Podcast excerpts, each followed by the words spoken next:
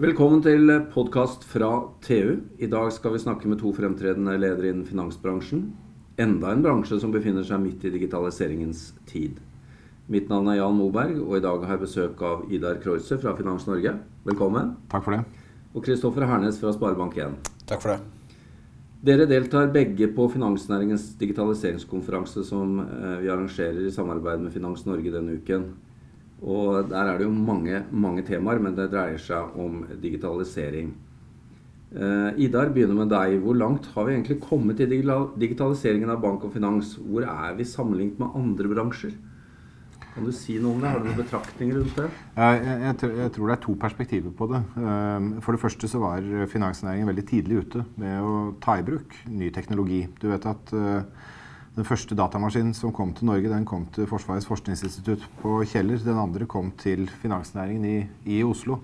Uh, og hvis du ser de senere årene, så har mye av den produktivitetsveksten vi har sett i finans, har vært drevet av rask og effektiv uh, å ta i bruk ny, ny, teknologi. Ikke bare teknologien, men også forretningsmodeller og arbeidsprosesser er endret og tilpasset. Så langs den dimensjonen så er jo dette en kjent utfordring for finansnæringen. Samtidig så er nok jeg av de som tror at eh, denne næringen er av de som kommer til å oppleve de største endringene i årene som kommer. Eh, så det er altså absolutt ingen laurbær å, å hvile på. Her skal vi stå opp tidlig om morgenen og jobbe lange dager for å henge med i svingene. Men er det sånn at eh, det er forskjell på bank og forsikring og andre institusjoner innenfor ja. finansnæringen? Ja, ja, det er det. Altså, langs noen dimensjoner så har man kommet veldig langt på skadeforsikring. F.eks. på skadeoppgjør. Du vet Det er ikke veldig mange år siden før et skadeoppgjør i gjennomsnitt tok fire uker. Og nå har nok de fleste av oss opplevd at vi sender skademeldingen den ene dagen og har pengene på konto den andre dagen. Det er en heldigitalisert uh, prosess. Uh, samtidig så ser vi innenfor liv- og pensjonsområdet så har vi kommet relativt kort. På bank så har vi kommet langt innenfor uh, betalingsformidling men relativt uh, kort på f.eks. boliglån, hvor vi håper på et gjennombrudd nå i løpet av det nærmeste året eller to. Så ja, det er store forskjeller fremdeles. Kristoffer, uh, siste års heteste tjenesteutvikling har jo vært uh, VIPS, Mcash og MobilePay og disse tingene vokst fram lynraskt. Hva, altså dette går, går jo sammen med disse tingene som vi snakket om her, om effektivisering. Hvor viktig har det vært? Det har jo markert et uh, tydelig skifte i konkurransen. Er det litt sånn elbilen i finansbransjen? Det er mer en endring i spillereglene, hvor man uh, adresserte sine, mine, mine, og dine kunder tidligere. Uh, hvor da digitaliseringen kommer, og Vips Mcash MobilePay begynner å adressere alle brukere på tvers av bankforbindelse. Det kan jo egentlig sammenlignes med hvordan Schibsted i sin tid lanserte finn.no for alle brukere av internett, i stedet for å bare la rubrikkannonsene være begrenset til de som kjøpte avisen. Og når spillereglene endres, eh, så blir det jo litt fragmentering og uro, for da vet man ikke helt hva som eh, foregår. Men det er jo som Ida sier, at det, på banksiden så er det betalinger det skjer først. Det er jo enkelte land som har kommet i gang med denne fintech-revolusjonen før, eh, før, Norge. Og andre områder innenfor kjernevirksomhet og bank, som f.eks. sparing, plassering og lån, vil jo følge etter eh, hvis man ser type til London, hvor det har skjedd veldig mye, og man har kommet et stykke lenger på fintech-siden enn i Norge. Og også i Stockholm, har jeg skjønt. Siden. Også i Stockholm, men det er fortsatt veldig mye på betalings, uh, betalingssiden. Akkurat. Så disse landene eh, endrer seg litt i forhold til hva de har fokus på. Mm. Men når, når, man har lansert da, Vips og Mcash og MobilePay og sånn, er, er, det sånn at bransjen sitter og er litt skremt over hva de var med på å lansere? Dette har blitt ganske kraftfullt. Da er jo ikke særlig gebyrer å hente. Ja, altså jeg, jeg, tror ikke Jeg opplever ikke at man er skremt over hva man har vært med å, å lansere. Men det, det, vi ser, er at eh, de nye løsningene de utfordrer litt øh, grensen mellom hva som er bankspesifikt og kundenært på den ene siden, øh, og hva som er en del av det vi i Norge har vent oss til å tenke på som en bransjefelles infrastruktur på den, på den andre siden. Eh, så spillereglene som, som, det er sagt her, endres, eh, endres, litt. Så man er veldig opptatt av å finne gode løsninger på det. I tillegg så tror jeg nok at de som da har tenkt at vi har litt tid på oss til å få på plass de nye løsningene, de blir minnet på at her går det forferdelig fort. Eh, og vi har ingen tid å, å miste. Så, så tempoet har økt kraftig. Men Hernes, her, dette er jo viktig. Dere er jo blant de som har lansert en ny tjeneste her det siste året. og Og det, blir, det, er, det må være ganske vrient å sitte i et ganske etablert bankvesen og så komme med en sånn ny ting eh, på siden. Jeg tror det er enda vondere å ikke, eh, ikke komme med noe ikke agere. For dette skjer, enten vi vil eller ikke. Hvis ikke bransjen selv er føre var, så ser vi jo veldig mange internasjonale teknologiaktører som står på trappene og kommer til å lansere lignende tjenester. Og betaling er jo egentlig bare brekkstangen inn til, eh, til kunderelasjonen. Det er Ifølge McKinsey 80 av interaksjonen med banken skjer gjennom betalinger. Det er betalinger vi minner kundene på at vi eksisterer. og Derfor er det utrolig viktig å ha denne type plattformer for å holde oss relevant i, eh, i kundenes uh, daglige um, finansielle liv. Så Det er jo snakk om å eie noe som kunden bruker hver dag, for å fortsatt eie kunderelasjonen. Men sånn som i Mcash, da, for å ta et, et konkret eksempel. Hva kan vi forvente blir bygget inn i Mcash nå fremover? Ja, det gjenstår eh, å se. Vi er opptatt av å finne de områdene hvor vi faktisk løser et problem for eh, brukerne. For det som har vist seg, er at å bare gni mobilen inntil en betalingsterminal i stedet for kortet, det løser jo ikke noe reelt problem. Så det å bare bytte ut kortet med mobilen løser ingen verdens ting. Men da f.eks. kunne bare ta bilde av fakturaen i stedet for å sitte og taste inn et langt KID-nummer som du i, nei, du mister tellingen etter ja, syv nuller. Det løser jo problem for forbrukerne. Så er jo det som vi må ha fokus på. Fordi vi, vi, leverer jo tjenester som er en nødvendighet. Eh, det er jo få ting som er så lite sexy som en eller annen app som kommer fra en bank. Så det må være ekstremt relevant og ekstremt nyttig. Ja. Hvis jeg kan bare kommentere på det. Altså, nå, er det nå, er det våre medlemmer som skal uh, stå for kreativiteten. Uh, og det gjør de i, i betydelig grad. Men det, er, men, men det, er, jo grunn til å tro at uh, som Kristoffer er innom, altså enkelhet, det å løse et kundeproblem, vil være nøkkelen. Uh, og så tror jo vi at dette med oversikt, samling, kommer til å bli veldig viktig. Fordi det er en ganske kaotisk verden der ute. og den som kan hjelpe til med å skaffe helhet og oversikt, tror vi kommer til å få et fortrinn. Og så ser vi at sikkerhet eh, kommer til å komme veldig raskt etter øh, enkelhet som, eh, som, viktig parameter. Og det går både på informasjonssikkerhet, hvordan man håndterer persondata, som vi som forbrukere blir stadig mer oppmerksom på. Uh, men det går også på selvfølgelig sikkerhet i betalingsstrømmen. Det er jo, det er jo to, to, drivere her nå. På, den ene er jo på uh, tilbyderne, altså aktørene som ønsker å, å konkurrere ut uh, konkurrentene. Det andre er jo eh, forbrukeren som ønsker enklere løsninger.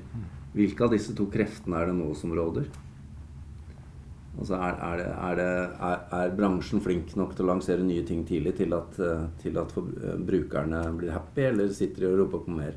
har dere noe forhold til det?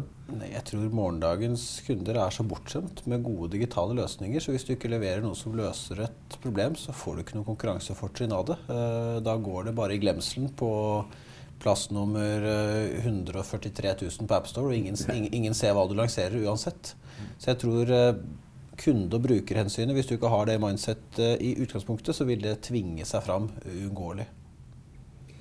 Men vi, jo, vi har jo et tall her i Norge. 5,5 millioner mennesker. Vi er et relativt lite marked i verden. Uh, og vi har nevnt eller du nevnte det tidligere, Hernes, at eh, London og Stockholm ligger jo ganske langt fremme innenfor fintech. da, Dette om å komme opp med, med nye, spennende selskaper som skal konkurrere om nye løsninger. Hvordan ligger vi an i eh, Norge? Vi begynte litt etter, eh, men har plukket opp eh, farten rimelig raskt når det kommer til å begynne å få et godt økosystem rundt fintech startups eh, her i Norge. Finans Norge har vært en god bidragsyter til å bygge et miljø rundt dette. her. Oppmerksomheten er veldig høy. Og resten av verden også ser jo ikke nødvendigvis på Norge, men ser jo da i stor grad på Skandinavia og Norden. Som ett marked? Som, som ett marked og ett region for fintech. Ikke fordi det er så mange mennesker her, men fordi vi har en veldig digital befolkning. Internettpenetrasjonen er jo på 95% og av de som er på, på, nett, så er det veldig høy andel som også har smarttelefoner. Og det gjør det et, til et veldig interessant testmarked for nye tjenester, nye produkter. Også kombinert med en innovativ og digital, produktiv finansiell infrastruktur gjør at man kan komme mm. veldig langt med digitale finanstjenester i Norden. Jeg er veldig enig i det Kristoffer sier der. Eh, og så har jeg lyst til å løfte frem ett poeng til. Altså, vi har vært innom uh, litt dette med fragmentering. Og ja, 5,5 millioner mennesker er ikke så innmari mye. Men vi har, uh, som et av de få landene i Europa, kanskje det eneste, så har vi en felles betalingsinfrastruktur i bunn. Og Det betyr at det å utvikle den infrastrukturen det kan vi gjøre på et helt marked. De fleste som sitter og utvikler en betalingsinfrastruktur, de gjør det for et marked som de vet er ganske fragmentert. Vi har muligheten nå uh, til å bidra til å, å, gjøre investeringer som treffer hele markedet. altså slik man gjorde med BBS i sin ja, tid? Ikke sant? Ja. Uh, og, og, hvis du ser nå, så kommer det løsninger på uh, mobil, det kommer løsninger på netthandel. Og man har jo som ambisjon uh, å sørge for at denne felles infrastrukturen er helt i forkant. I dag så har vi kanskje blant den, altså en av de billigste og, uh, og sikreste betalingsinfrastrukturene i, i, Norge, være, i, Europa, i Norge, og det må jo være en ambisjon å, å, å sørge for at vi har det også fremover. Ja, for vi har jo vært flinke på å være ledende internasjonalt på på transaksjonskost? Ja, Vi var veldig tidlig ute uh, og har gjort veldig mye smart. Uh, og så har det vært uh, en periode med litt lite investeringer de siste, siste, ti årene. Eller siste, altså sånn, fra ti år etter årtusenskiftet. Og så har man lagt inn et helt annet gir nå de siste par-tre årene. Det ser veldig spennende ut, det som nå skjer. Men er, dette, er det sannsynlig at noen av disse norske kall det fintech-initiativene vil bli eksportvare? Det er flere som forsøker å, å bli det. Eh, som f.eks. selskapet som står bak eh, Mcash Auka, eh, prøver seg nå i Europa ja, med vår suksesshistorie ja. som, um, som, bakgrunn. Og flere andre også innenfor sparing. Eh, Spiff, som skal gjøre sparing litt mer eh, tilgjengelig og morsomt for kvinner, har jo også en europeisk ambisjon. Vi prater med de senest i, i dag. Jeg tror vi vil se flere av de. Jeg kjenner jo til også et selskap som prøver å lage en en eh, si, grenseløs bank for flyktninger basert på blokkjede. Mm. En fra Ungarn som har flyttet til Norge, uh, begynt å jobbe i Norge, og nå har sluttet i dagjobben sin i Norge for å starte den type selskap uh, fra Norge. Så vi ser veldig mye spennende initiativer som kommer ut av det norske fintech-miljøet, som er veldig spesialisert. Og kan ha stort potensial utover Norge. Det er selvfølgelig ingenting i veien for. Ja, det er ingenting som skulle tilsi at ikke um, vi i Norge kan utvikle ting som har et marked langt utenfor Norges grenser. og Det er klart at det må være en ambisjon. Nå, og er, Der kommer jo du inn på Hernes, du nevnte kodeordet blockchain og, og da altså bitcoin. Eh, vi skal vel ikke gå langt ned i å beskrive det her, for det er ganske komplisert. Men det er jo, det er jo fascinerende teknologi. Eh, kort til dere begge. Hva, hva er eh, påvirkningen eh, av disse teknologiene nå de nærmeste par årene for, for oss her? To av områdene som er veldig lavthengende frukter, er jo utenlandsbetalinger. Eh, der igjen, der har du ikke noe god felles infrastruktur, så det kan jo faktisk ta Slipp å ta en uke? Det kan jo ta kortere tid å få en vare tilsendt fra en leverandør i Kina fysisk enn leverandøren får pengene på konto etter den har vært gjennom alle mulige mellommenn for å sikre at betalingen kommer frem. Og det andre også på verdipapirhandel. Kanskje ikke nødvendigvis verdipapirhandel i Norge, for det er jo egentlig ganske enkelt, men type Nasdaq, hvor du har mye mer kompliserte finansielle instrumenter og mye clearinghus, mye custodians, veldig mye dobbel bokføring, hvor du har en haug av reskontoer som skal være like på hver side. Jeg deler den vurderingen. Uh, og det vi ser, er at uh, det er jo en rekke banker som nå er uh, inne og, og, ser på hvordan kan man bruke denne teknologien for å gjøre våre arbeidsprosesser mer, mer effektive. Man har jo fremstilt blokkjede som eh, et alternativ til, eh, til, bank, og noe bank burde frykte. Eh, jeg syns dette er en veldig fascinerende teknologi som kan brukes aktivt, og som jeg er helt sikker på at kommer til å bli brukt aktivt i å videreutvikle bankvesenet fremover. Og som kan brukes på mange andre områder Abs også. Absolutt. Og Der kommer vi inn til en av dine kanskje kjepphester, nemlig dette med samhandling mellom privat og offentlig sektor. Altså dette med kommunikasjonen kan gå effektivt og være verifisert. Der mener du at vi har et potensial fortsatt? Ja, det er, det er, åpenbart at vi har det. Uh, vi vet at regjeringen kjører uh, sin digitaliseringsagenda for offentlig sektor. Uh, men veldig mye av effektene er avhengig av et effektivt og sømløst samarbeid og samspill mellom offentlig og privat sektor. Med det som bakgrunn så har eh, Finans Norge nå på vegne av finanssektoren i Norge inngått et eh, samarbeid med Skatteetaten og med Brønnøysundregistrene. Eh, og vi har identifisert helt konkrete prosjekter som har betydelig potensial. Og det er, det er, helt enkle ting. Altså F.eks. Eh, når man gjennomfører en boliglånsprosess i dag, så krever vi at selvangivelsesinformasjon skal gjøres tilgjengelig. Det fører til at veldig mange bruker mye tid på å ringe til skatteetaten eh, for å innhente data.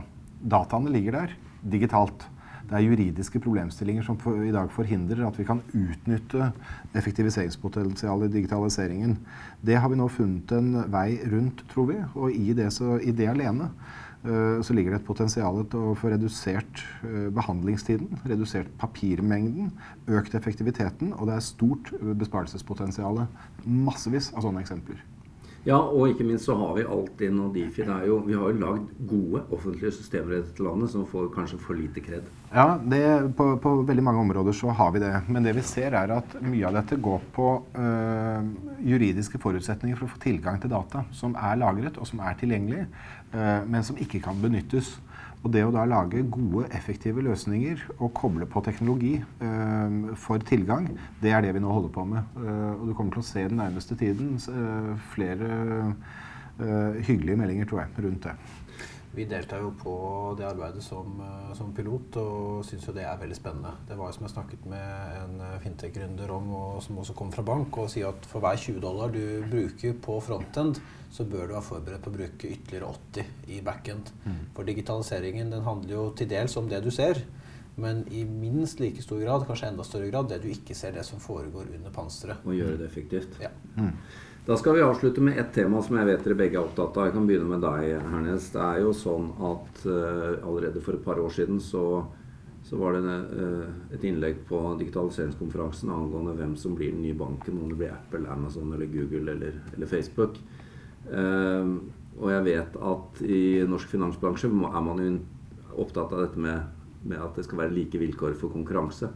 Hvordan møter dere den, den, denne litt marerittlignende drømmen til daglig? Ja, nå tror jeg aldri at uh, verken Apple eller Google kommer til å ha lyst til å bli en bank, men de kommer til å ha lyst til den kunderelasjonen vi sitter på. Uh, ja, Mer som en frontend, altså? Ja. ja. Uh, det vi gjør i den forbindelse, er jo å prøve å jobbe raskere, smartere. tenke mer som et teknologiselskap. Det er jo flere banker som uttaler at de ønsker nå å bli mer et teknologiselskap med tilfeldigvis en banklisens. For med den digitaliseringen som finansnæringen har vært gjennom siden 80-tallet, så er vi jo egentlig kjempestore software-selskaper som er tilfeldigvis regulert i alle ender. Og det er litt utfordringen når vi møter denne type aktører som kommer fra andre bransjer, være seg teknologibransjen, telekombransjen eller dagligvare for den saks skyld, som går inn på finanstjenester, spesielt de som kommer fra utlandet. De opererer jo med litt andre rammevilkår, Ofte, som, man, som man, nå merker jo i f.eks. deres bransje, mediebransjen, med Absolutt. Google, Facebook osv. Idar, siste ord til deg på dette temaet. Nei, Myndighetene er opptatt av streng regulering av finansnæringen. Både med hensyn til eh, innskuddsgarantier, personvern og finansiell stabilitet. Eh, det er klart at det utfordrer uh, reguleringen når nye aktører da kommer inn på hele eller deler av denne verdikjeden uh, og definerer seg som alt fra nettbokhandler til kaffe, kaffebutikker. og Der har myndighetene en utfordring, og vi har en utfordring. Det, vi liker konkurranse, syns det er strålende. Men alle er tjent med at konkurransen skjer på, under like rammevilkår. og her kommer vi til å se en stor utvikling fremover. Men vi har jo da en, en, en utfordring både innenfor finansteknologi og andre. altså om at innovasjonen skjer først, og reglene blir endret etterpå. Både Uber og Airbnb og alle disse eksemplene som gjør at det pushes fram. Mm. Men eh, bare helt til slutt, da. Skal vi heie på de nye aktørene eller de gamle eksisterende? Vi eh, skal samspille mellom nye og gamle. Eh, og det er i det skjæringspunktet så kommer det til å komme gode løsninger som kommer kunden til beste. Og finansnæringen kommer til å ta aktivt del i det. Takk til dere, og vi ses på Finansnæringens digitaliseringskonferanse.